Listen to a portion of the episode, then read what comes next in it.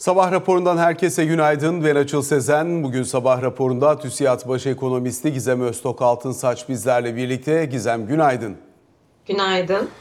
Yurt dışında piyasalar Şükran Günü nedeniyle kapalı. Dolayısıyla aslında biraz daha kendi iç dinamiklerimizle hareket ettiğimiz bir gün olacak. Dün önemli hareketler yaşandı aslında. Euro dolar çaprazının 1.09'lara kadar geldiğini gözlemledik. İlk etapta bir parça ön plana çıkan ana unsur dayanıklı tüketim malı siparişlerine baktığımız zaman orada beklentilerin altında kalan verilerdi. Ancak sonrasında Michigan Üniversitesi Tüketici Güven Endeksi geldi. Buradaki enflasyon beklentisinin bir miktar yukarı doğru gittiğini gözlemledik. Dolayısıyla bu piyasanın kapanışına doğru bir miktar daha yukarı yönlü hareketi beraberine getirdi. Özellikle tahvil faizleri açısından gün içerisinde veri sonrasında 4.36-4.37'lere kadar inen Amerikan 10 yıllıklarının 4.40'ın üzerinde kapanış gerçekleştirdiğine şahit olduk.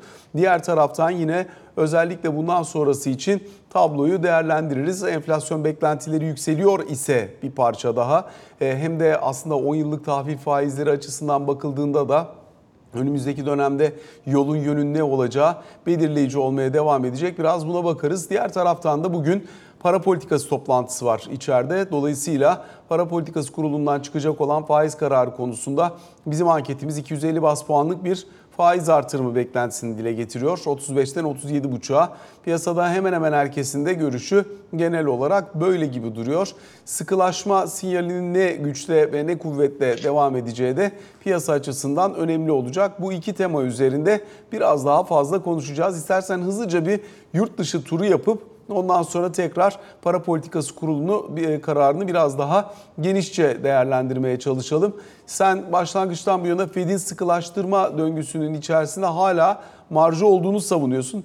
Son tutanaklar Fed e, to, e, toplantı tutanaklarına baktığımız zaman orada hani daha fazla yukarı gitme konusunda imtina eder bir ton olduğunu, e, bundan sonraki faiz adımlarının çok dikkatli atılacağına dair vurguyu da duyduk. Ne dersin? Görüşünde bir değişiklik var mı? Hayır hayır aynı yerdeyim. Aslında tutanaklara baktığımızda da para politikasının sınırlayıcı kalmasının e, daha doğru olacağına dair e, çıkarımlar mevcut açıkçası. Onun ötesinde e, %2 hedefine yaklaşmamızı zorlaştıracak herhangi bir durumda yeniden e, faiz arttırırız diyen bir Fed var. Ve aslında şunu daha görmedik gene altını çiziyorum. Ya ben piyasanın okuduğu kadar e, güvercin bir Fed okumuyorum tutanaklarda açıl. Yani aynı dokümanı okuyoruz ama fiyatlama tabii ki e, algı biraz daha farklı oluyor. Bu normal bu arada. E, nitekim gelen Michigan da aynı şekilde enflasyon beklentilerinde böyle bir miktar yukarı yönlü bir hareket olması aslında sürecin hala daha bu kadar güvenli şekilde bitmediğine işaret ediyor. Yani bu tamamlandı ve gelen her veri bunu doğrular nitelikte değil. Onu söyleyebilirim ve olmayacak da bence ilerleyen vadede. İlerleyen vadeyi de söyleyelim Ocak Şubat civarında. Dolayısıyla hem piyasanın beklediği Fed'in erken faiz indirimleri muhtemelen öteleniyor olacak. Yani uzunca bir süre e, yüksek kalmaya devam edecek. Ha bir iki tane indirir gene yüksek kalmaya devam eder. O da ayrı bir tartışmamız gereken konu haline gelebilir ama ben, benim görüşüm aynı yerde. Yani Fed'in bu sıkılaşma döngüsünün henüz sonuna geldiğine e, çok e, ikna olmuş değilim. Artı bir de finansal koşul endeksini mesela şimdi tabii ben orada değilim ekranda göremiyorum ama açacak olursan zaten finansal koşul endeksleri sıkılaşmaya başlamıştı. Ve Fed demişti ki bu bizim faiz arttırım sürecimizi ikame eder nitelikte demişti. Şimdi o finansal koşullardaki sıkılaşma neredeyse birebir geri geldi. O zaman o ilk baştaki söylemin de ve çok hızlı geri geldi. Gene değişiyor olması gerekiyor. Yani finansal koşullardaki sıkılaşma aslında Fed'in görevinin bir kısmını artık gene yapmıyor gözüküyor. Bunu keza 10 yıllığı düşün. 5'lerden 5'lerin hafif üzerine çıkmıştık. 4.40'lara kadar geldik. E, dolayısıyla tüm bunları topladığımda evet ABD ekonomisinde elbette ki bir yumuşama mevcut net şekilde.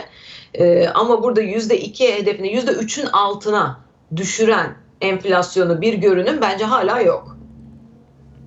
Peki piyasaların şu anki kutlama modunun bir kısmının yıl sonu rallisiyle alakası olduğu görüşüne ne dersin? Yani aslında hani e, orta ve uzun vadeli kalıcı bir fiyatlamadan ziyade biraz daha e, bu yıl sonundaki imkanı, fırsat penceresini değerlendirmek için de daha agresif davranmış olabilirler mi? Bir yandan da şunu da sor- sorayım.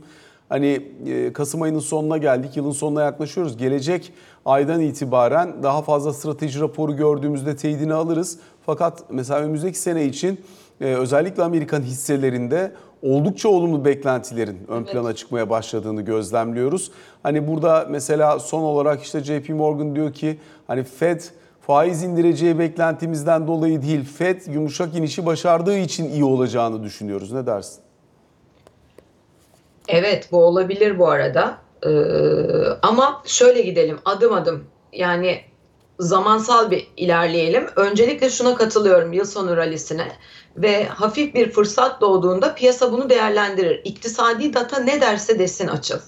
Yani e, trading psikolojisi zaten bunu doğrulayan bir süreç. Dolayısıyla e, nasıl ki çok hafif altında gelmişti hatırlayacak olursan enflasyon datası beklentinin ama muazzam bir reaksiyon gördük orada.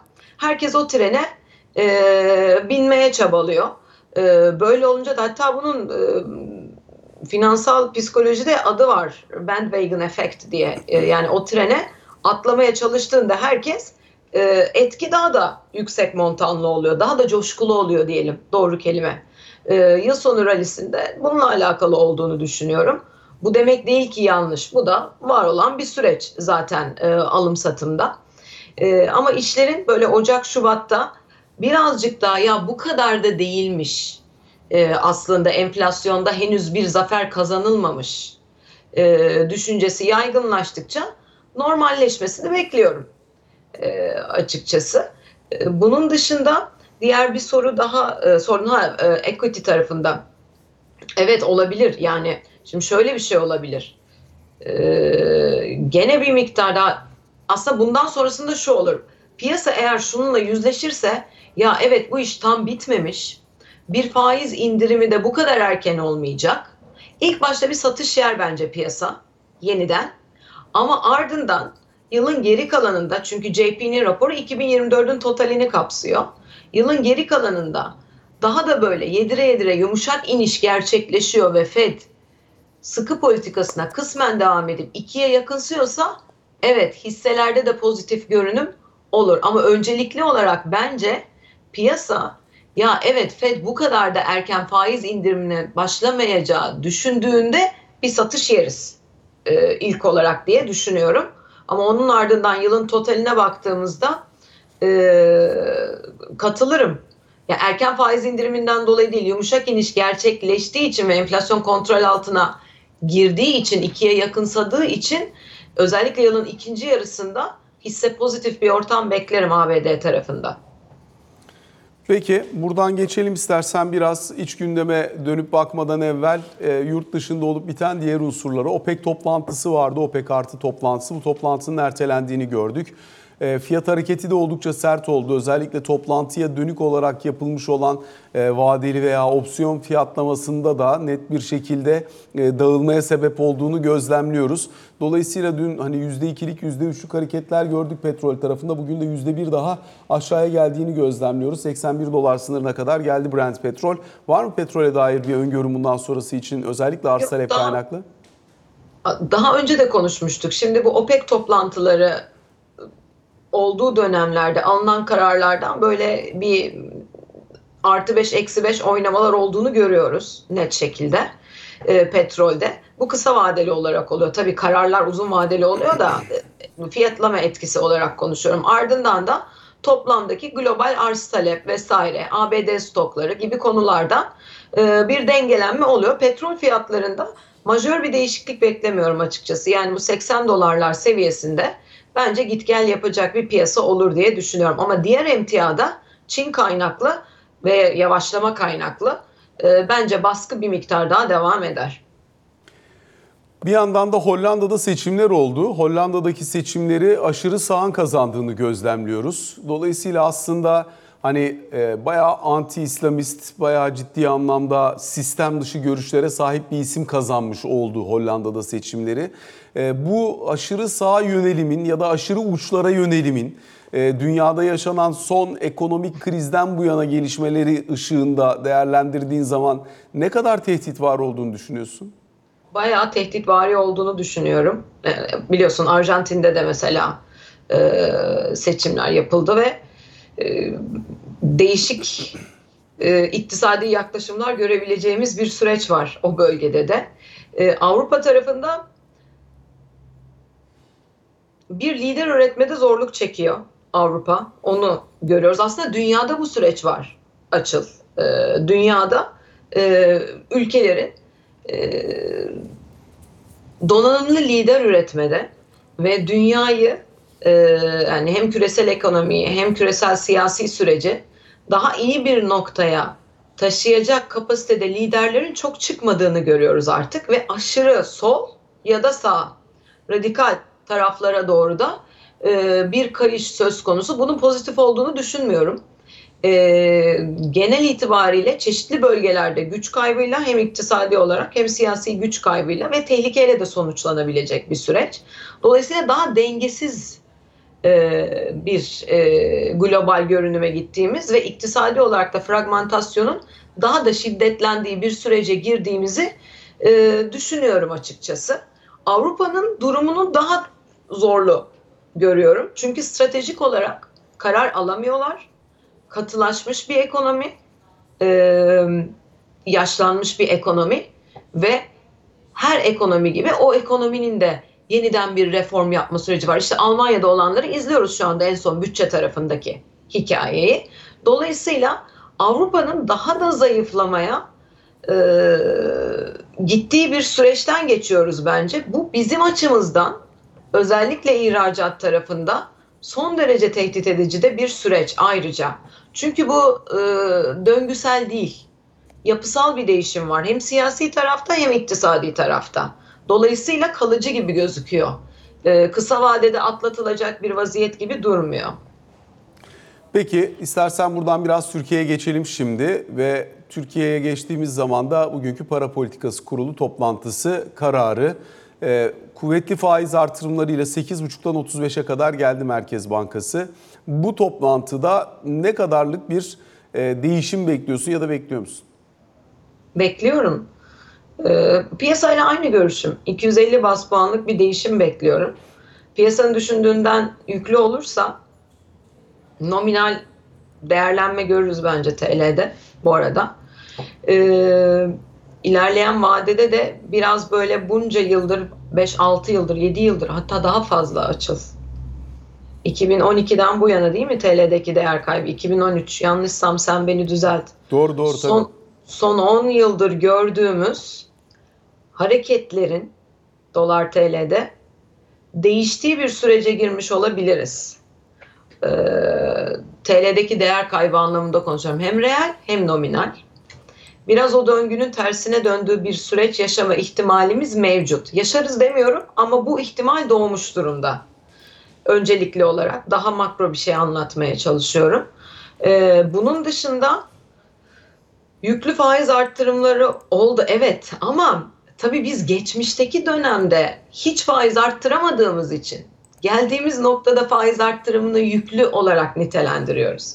Halbuki enflasyon 60-70 bandında ve biz bu süreci yaklaşık 5 aydır devam ediyoruz. Yani hızlı ve yüklü mü? Bence soru işareti. Geçmiş dönemde yaşadıklarımız bugünü yüklü olarak nitelendirmemize sebep oluyor. Hiçbir şey yapamadığımız için, hatalarla dolu e, düşük bir faiz ortamından geçtiğimiz için. Ama bana soracak olursan e, yüklü ve hızlı bir faiz arttırım sürecinden geçmiyor Türkiye. E, çok ciddi bir çaba var. Bu doğru. E, ve faiz arttırım süreci de bence daha doğrusu sıkılaşma süreci daha devam edecek. E, ama ben bunun yeterince hızlı olduğunu düşünmüyorum. Başka hassasiyetlerden dolayı bu yol seçilmiştir. Doğrudur. Ee, sürecinde devam etmesini bekliyorum açıkçası bugün. Hatta 250-250 gider bence. Yılı 40'la kaparız diye düşünüyorum. E, piyasa da aynı yerde bu arada. Hani böyle bu şu anda iyi olan açıl e, şöyle bir durum var. Hatırlayacak olsan eskiden piyasa hiçbir şey öngöremiyordu. Yani dağınık bir e, tahminlerde olasılık eğrisi görüyorduk. Ama şu anda toplanmış durumda e, ve konsensus çok net şekilde oluşmuş durumda para politikasına doğru. O da bu yılı 37,5-40'la kaparız.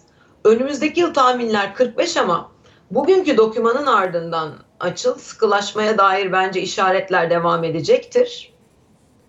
45 olan 2024 tahminlerinin böyle hafif hafif artık 50'ye doğru yaklaşmaya başladığını görebiliriz. Bundan sonraki 1-2 aylık süreçte. Bu bence bir e, değişiklik olabilir. İkincisi dokümanın içinde şuna bakmamız lazım. İç talepteki yavaşlamayı nasıl görüyor Merkez Bankası? İç talepte bir yavaşlama var. Hane halkı tüketiminden bahsediyorum. Ama bu yeterli nitelikte değil bence. Yeterli hızda değil. Bunu bir nasıl gördüğüne bakıyor olmamız lazım. Çünkü daha önceki dokümanlarda biliyorsun iç talepte özellikle tüketim talebinde hala güçlü seyrin devam ettiğini atıfta bulunan bir merkez bankamız vardı. Bence en önemli e, dokümanda değinilmesi gereken bu. Bir de aslında şu dış ticarette cari dengede çekirdek tarafın e, iyiye gitme işi de biraz olumsuz. Bu da aynı bu arada bu ikisi birbiriyle eşleniktir. Yani zaten iç talep tüketim yeterince yavaşlamadığı için çekirdek cari denge veya çekirdek dış ticaret açığı arzu ettiğimiz kadar hızlı aşağı gelmiyor bu arada. E, birazcık oraları nasıl gördüğünü e, merak ediyorum. O kısımlarda mühim olacak dokümanın içinde. Yani e, sözel yönlendirmesi de e, bence önemli. Peki burada e, özellikle faiz düzeyi üzerinden mi yoksa likidite üzerinden mi bir vurgu beklersin Hepsi, geleceğe dönük hepsi olarak? üzerinden. Sadece bir de sadece likitte de değil. E, faiz, likitte ve e, niceliksel sıkılaştırma, kantitatif sıkılaştırma. Oradan da beklerim. Bir de şu da oluyor olabilir açıl. Ee, ilerleyen vadede selektif kredilere ilişkin yeni regülasyonlar da duyuyor olabiliriz. Ben ihracat ve yatırım kredilerinde çok mutlu olduklarını düşünmüyorum. Sıkılaştırıcı yönde mi diyorsun yoksa gevşetici yönde mi? Gevşetici demeyelim de destekleyici yönde diyelim. Ama bunu zaten duyuyoruz 3 aşağı 5 yukarı. Yani özellikle bu yatırım teşvikli avans kredilerine ilişkin e, bir Evet, düzenleme gelebileceğini biliyoruz. Onun haricinde yine benzer şekilde e, ihracatta reskont kullanımını kolaylaştırıcı olduğu düşünülen çeşitli hamleler gelebileceğini düşünüyoruz. Buralara dönük e, destekleyici hamleler gelirken ithalatı artıracağı veya talebi körükleyebileceğini düşünülen e, düşündükleri alanlarda daha kısıtlayıcı bir tablo e, beklentisi hakim gibi görünüyor. Aynen katılıyorum. Dün e, Sayın Bakan'ın e, Cevdet Bey'in açıklamalarında da aslında bunlara dair bir tasarımın olduğunun sinyallerini okuduk zaten. Dolayısıyla daha böyle derli toplu e, bir vaziyette görebiliriz o süreçte. Şimdi e, ara ara geliyor biliyorsun demin söyledikleri. E, ihracat ve yatırım hala zayıf. E, bu arada şunu da söyleyeyim Açıl durum sadece finansmanla kapatılacak bir şey de değil. Yani evet ihracat ve yatırım kredilerini destekleyen bir süreç sunabilirsiniz. Fakat bunların finansmanı şu anda çok yeterli olmuyor. Ee, tabii maksimumunu yapmaya çalışan bir ekonomi yönetimi var ama örneğin ihracata dair şunu söyleyebilirim. Rekabet tarafında, e, katma değer tarafında, e, bölgesel çeşitlendirme tarafında e, Türkiye çok zaman kaybetti. Dolayısıyla bugün ihracatı finansman tarafıyla destekleseniz dahi dünyada alan kazanması çok zor durumda. Bunları da daha orta uzun vadede Türkiye'nin bundan sonraki süreçte eğer dünyada bir miktar daha payını arttırmak istiyorsa konuştuğumuz şekilde yapıyor olması gerekiyor. Bugün geldiğimiz döngüde Türkiye'de biz hepimiz kredilere ve Merkez Bankası'nın sıkılaşmasına kilitlenmiş durumdayız. Çok daha büyük makro bir plana ihtiyaç var. Ama tabii en önce e, döviz çekip enflasyonu kontrol etmek istiyoruz. Bu önceliğimiz ama o alanları unutmayalım. Yani bugün bu finansmanı veriyoruz, sağlıyoruz diye yatırımlar bir anda yukarıya doğru dönecek veya ihracat bir anda yukarıya doğru dönecek gibi bir e, kabul bence olmamalı. Zaten ihracatta elimiz bağlı Avrupa'dan dolayı. Bir de öyle bir vaziyet var. Peki devam edelim buradan. Yine Merkez Bankası'nın döviz pozisyonuyla özellikle son dönemde e, seçim öncesinde ciddi bir çıkış yaşandığını gözlemlemiştik Türkiye'den. Seçim sonrasında bunun e, önemli bir bölümünün geri geldiğini hatta fazlasının geri geldiğini de gözlemledik. Şimdi son e, açıklanacak olan verilere baktığımızda muhtemelen bugün gelecek olan veriyle birlikte Merkez Bankası'nın döviz rezervlerinde kuvvetli bir artış neredeyse 135 milyar dolara yaklaşan bir seviye görme ihtimali var. Eğer böyle gerçekleşecek olursa e, son 8-9 yılın en kuvvetli e, brüt rezervine ulaşmış olma ihtimali var. Net rezervde de son 2 yılın zirvesine gelmiş olma olasılığı kuvvetlenmiş görünüyor. Eğer veri düşünüldüğü beklendiği gibi gelinecek olursa. Bunun e, özellikle orta ve uzun vadede Türkiye'de rezerv kırılganlığı üzerinden yaşanan e, yabancı bakışına veya yurt içindeki bakışa potansiyel etkisi nasıl yorumlarsın? Şimdi bu pozitif. Rezervlerdeki hareket net şekilde Mayıs sonrası dönemde 30 milyar dolara yakın artış. Bugünkü data demin söylediğin rakam gerçekleştiği takdirde 35 olacaktır. Ama hani var olan datayla konuşalım. 30 milyar tabii bilançodan ıı, zaten hani görüyoruz o da var olan data da ıı, bu kadar yüklü bir ıı, artış pozitif net şekilde. Bunun 2 bölü 3'ü zaten swaplardan geliyor. O da banka banka swaplarından geliyor. Biliyorsunuz döviz veriyoruz Merkez Bankası'na TL alıyoruz. Ee, iyi bir borçlanma dönemi geçiyor. Dış borçlanma bankalar tarafında, sendikasyonlarda. E, repoların vadesi vesaire uzamış durumda. Dolayısıyla içeriye bu kanallardan bir döviz girişi oluyor. Bu da gidip merkeze park ediyor zaten. Bu pozitif. Geriye kalan 1 bölü 3'ü de yabancı para muzamlardı. Dolayısıyla iyi bir rezerv biriktiriyoruz. Bunun devamının gelmesini de bekliyorum bu arada. Ee, ve kırılganlık rasyoları açısından e, tabii burada pek çok rasyoya bakmamız gerekiyor biliyorsun açıl yani e, ihracatın ithalatın ne kadarına geldiği veya elimizdeki rezervlerin ithalatı 6 ay ne kadar cover ettiğine vesaire böyle bir sürü dataya bakmamız gerekiyor. Ama iyileşme nettir ve o kırılganlık her geçen gün bir miktarda azalıyor. Türkiye'nin kırılganlığı bitti diyemem. Yanlış olur. Bu tıpkı şuna benziyor. Çok ciddi bir dolarizasyon süreci var aslında Türkiye'de. Ama son verilere baktığımızda örneğin e, yabancı paraya giden bir e, tasarruf görmüyoruz. Bu pozitif yani büyük kümenin içinde şu anda küçük kümeyi değerlendirecek olursak bence hem rezerv arttırmada hem e, TL'nin TL'ye olan talebi arttırmada başarılı bir süreçten geçtiğimizi düşünüyorum. Devam etmesini de bekliyorum bu arada. Bir başka önemli konu dün Cumhurbaşkanı Erdoğan'ın yapmış olduğu açıklama Türk lirasında reel değer kaybı döneminin sonuna gelmiş olabiliriz dedi Cumhurbaşkanı. Dolayısıyla bu yeni ekonomik program çerçevesinde 2024 yılının önemli temalarından bir tanesi olmaya namzet zannediyorum burası. Hani bunu biz piyasa dinamikleri içerisinden zaten 3 aşağı 5 yukarı okuyabiliyorduk ama siyaset erkinin de bu çerçeveye e, dair bir perspektif sunmuş olması önemli görünüyor. Ne dersin? Evet az önce zaten buna giriş yapmaya çalıştım. 2012-2013'ten bu yana gördüğümüz TL'deki döngünün bence e, sonuna gelmiş olma ihtimalimiz var. Böyle bir ihtimal net şekilde gözüküyor. Yani bu olur şu olur yorumundan ziyade artık e, bunu telaffuz edebiliriz. Reel değerlenme zaten hani OVP'de de görüyoruz. %30'luk bir e, milli gelirin ima ettiği ortalama kur çıkıyor OVP'den. Onu bahsediyorum. Yoksa OVP'de bir kur telaffuzu yok. Yanlış anlaşılmasın. Ama orada da hani e, enflasyonun altında bir e, değer kaybı hemen hemen olduğunu görüyoruz. Piyasada böyle çalışıyor. Yani 30 e, çıkışla çalışıyor dolar TL kurunda. Önümüzdeki yılda 37 ile e, çalışıyor. Ama piyasanın çalıştığı enflasyon rakamı 44'lerde örneğin. E, dolayısıyla buradan zaten reel bir değerlenme çıkıyor.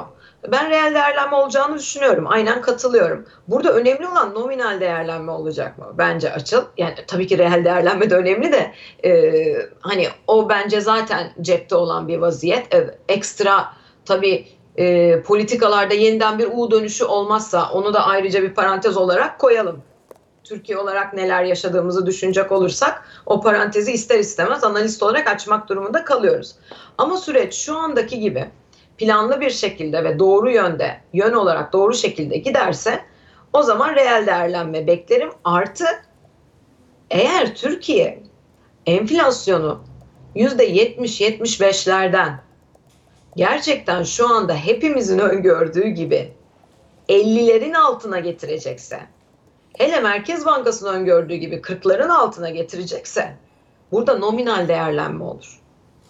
Yani bence TL'nin bugünkü seviyesinden daha düşük bir seviyede TL görmemiz gerekir. Çünkü flow çekeriz ee, ve e, adımları sıkılaştırma adımlarına da başarılı devam etmiş oluruz. Bu aynı zamanda e, rating upgrade ile de sonuçlanır. Tabii ki de 4 naç altındayız yani yatırım yapılabilir seviyenin vesaire çok altındayız. Ama hani yön olarak pozitife dönmüş bir e, ekonomi görürüz. E, o da yani en azından daha da kötüleşmeyen ve enflasyonla mücadeleye kararlı şekilde aylardır devam eden bir Türkiye görürüz ki Haziran Temmuz'a geldiğimizde bir yıldır bu sürecin içinde olacağız. Haziran Temmuz 2024'te. Eğer buralarda gerçekten enflasyonu aşağı döndürüp 40'lara doğru çekmeyi başarırsak o zaman ben TL'de nominal değerlenmede beklerim. Flow bekliyorum çünkü ben. Yani olacağını düşünüyorum içeriye. Ha bu ama e, tabii e, bonoya, e, dış borçlanmaya vesaire kanadından gelecek olan rakamlar. Hani doğrudan yabancı yatırımlara baktığında orada başka konular var. Yani hukukun üstünlüğü, uzun vadeli büyüme perspektifi, e, regülasyonlardaki kalıcılık gibi konular gündeme geliyor. Mesela orada o kadar hızlı bir akım olması bence çok söz konusu değil. Türkiye'nin daha önünde çok yol var yapması gereken. Ama kısa vadeli olarak en azından 12 aylık döneme baktığımda e, böyle bir tablo şaşırtıcı olmaz benim açımdan. Peki bir başka önemli konuya geçeyim şimdi. Dün İş Bankası Genel Müdürü Sayın Hakan Aran'ın da açıklamaları oldu. E, TÜSİAD Koç Üniversitesi Ekonomik Araştırmalar Forumu'nda yaptığı bir konuşma.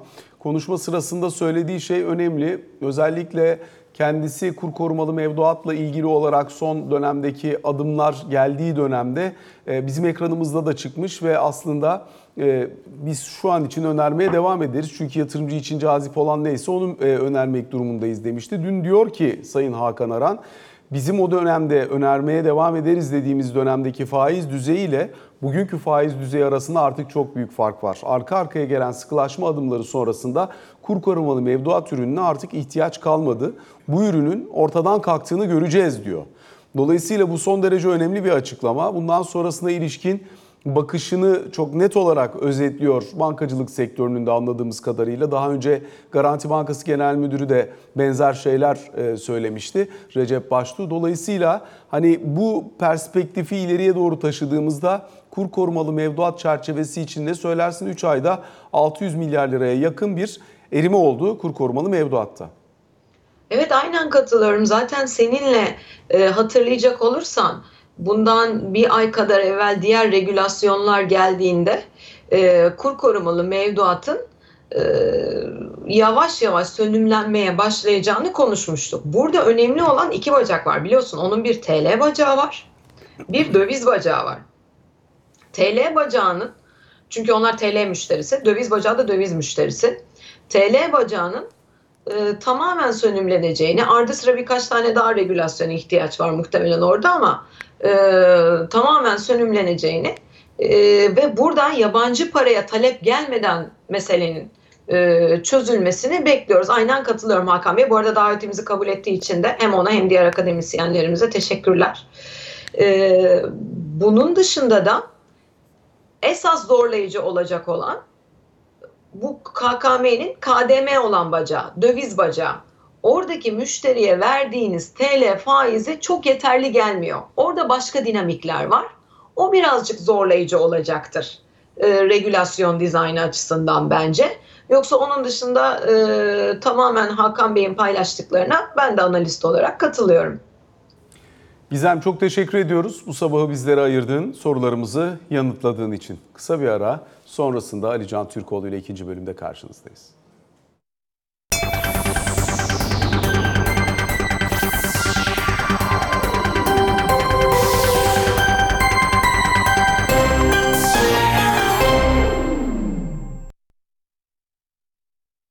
Sabah raporunun ikinci bölümüyle karşınızdayız. Ali Can Türkoğlu ile birlikteyiz. Ali Can günaydın. Günaydın.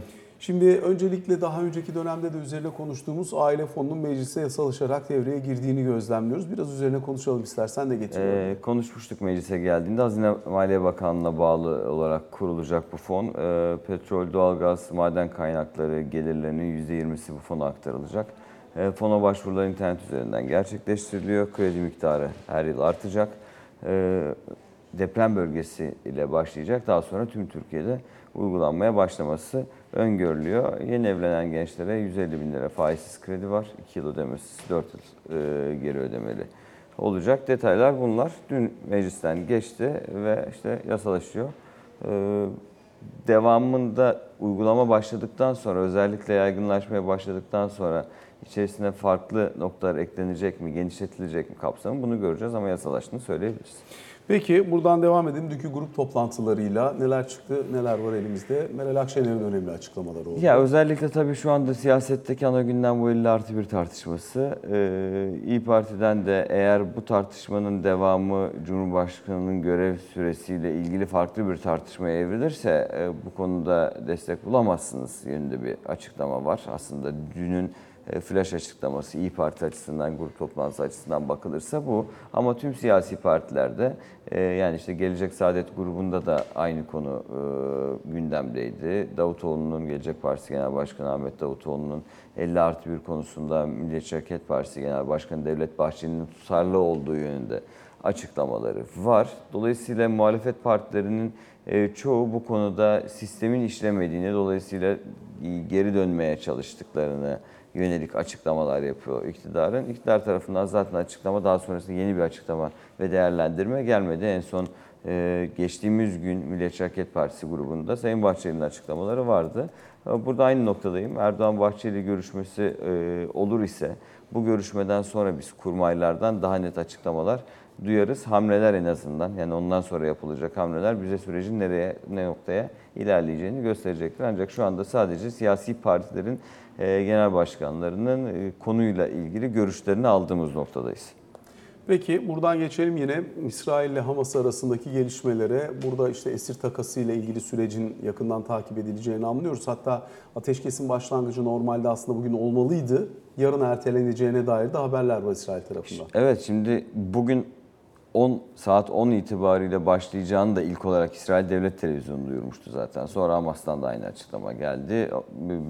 Bütün aktörlerden benzer yönde açıklamalar gelmişti ama dün tekrar bu esir takasının Cuma gününden önce başlamasının çok da imkanı olmadığı yönde açıklamalar da yine İsrail'den geldi ama takip ediliyor.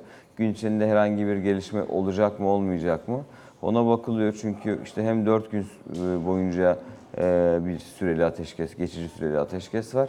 Hem de bilindiği gibi hem İsrail hapishanelerinde bulunan Filistinli mahkumların serbest bırakılma süreci hem de Hamas'ın elindeki İsrailli esirlerin serbest bırakılma süreci var. Bunun da işte hemen bir anda serbest bırakıp karşı tarafa da geçmiyorlar zaten.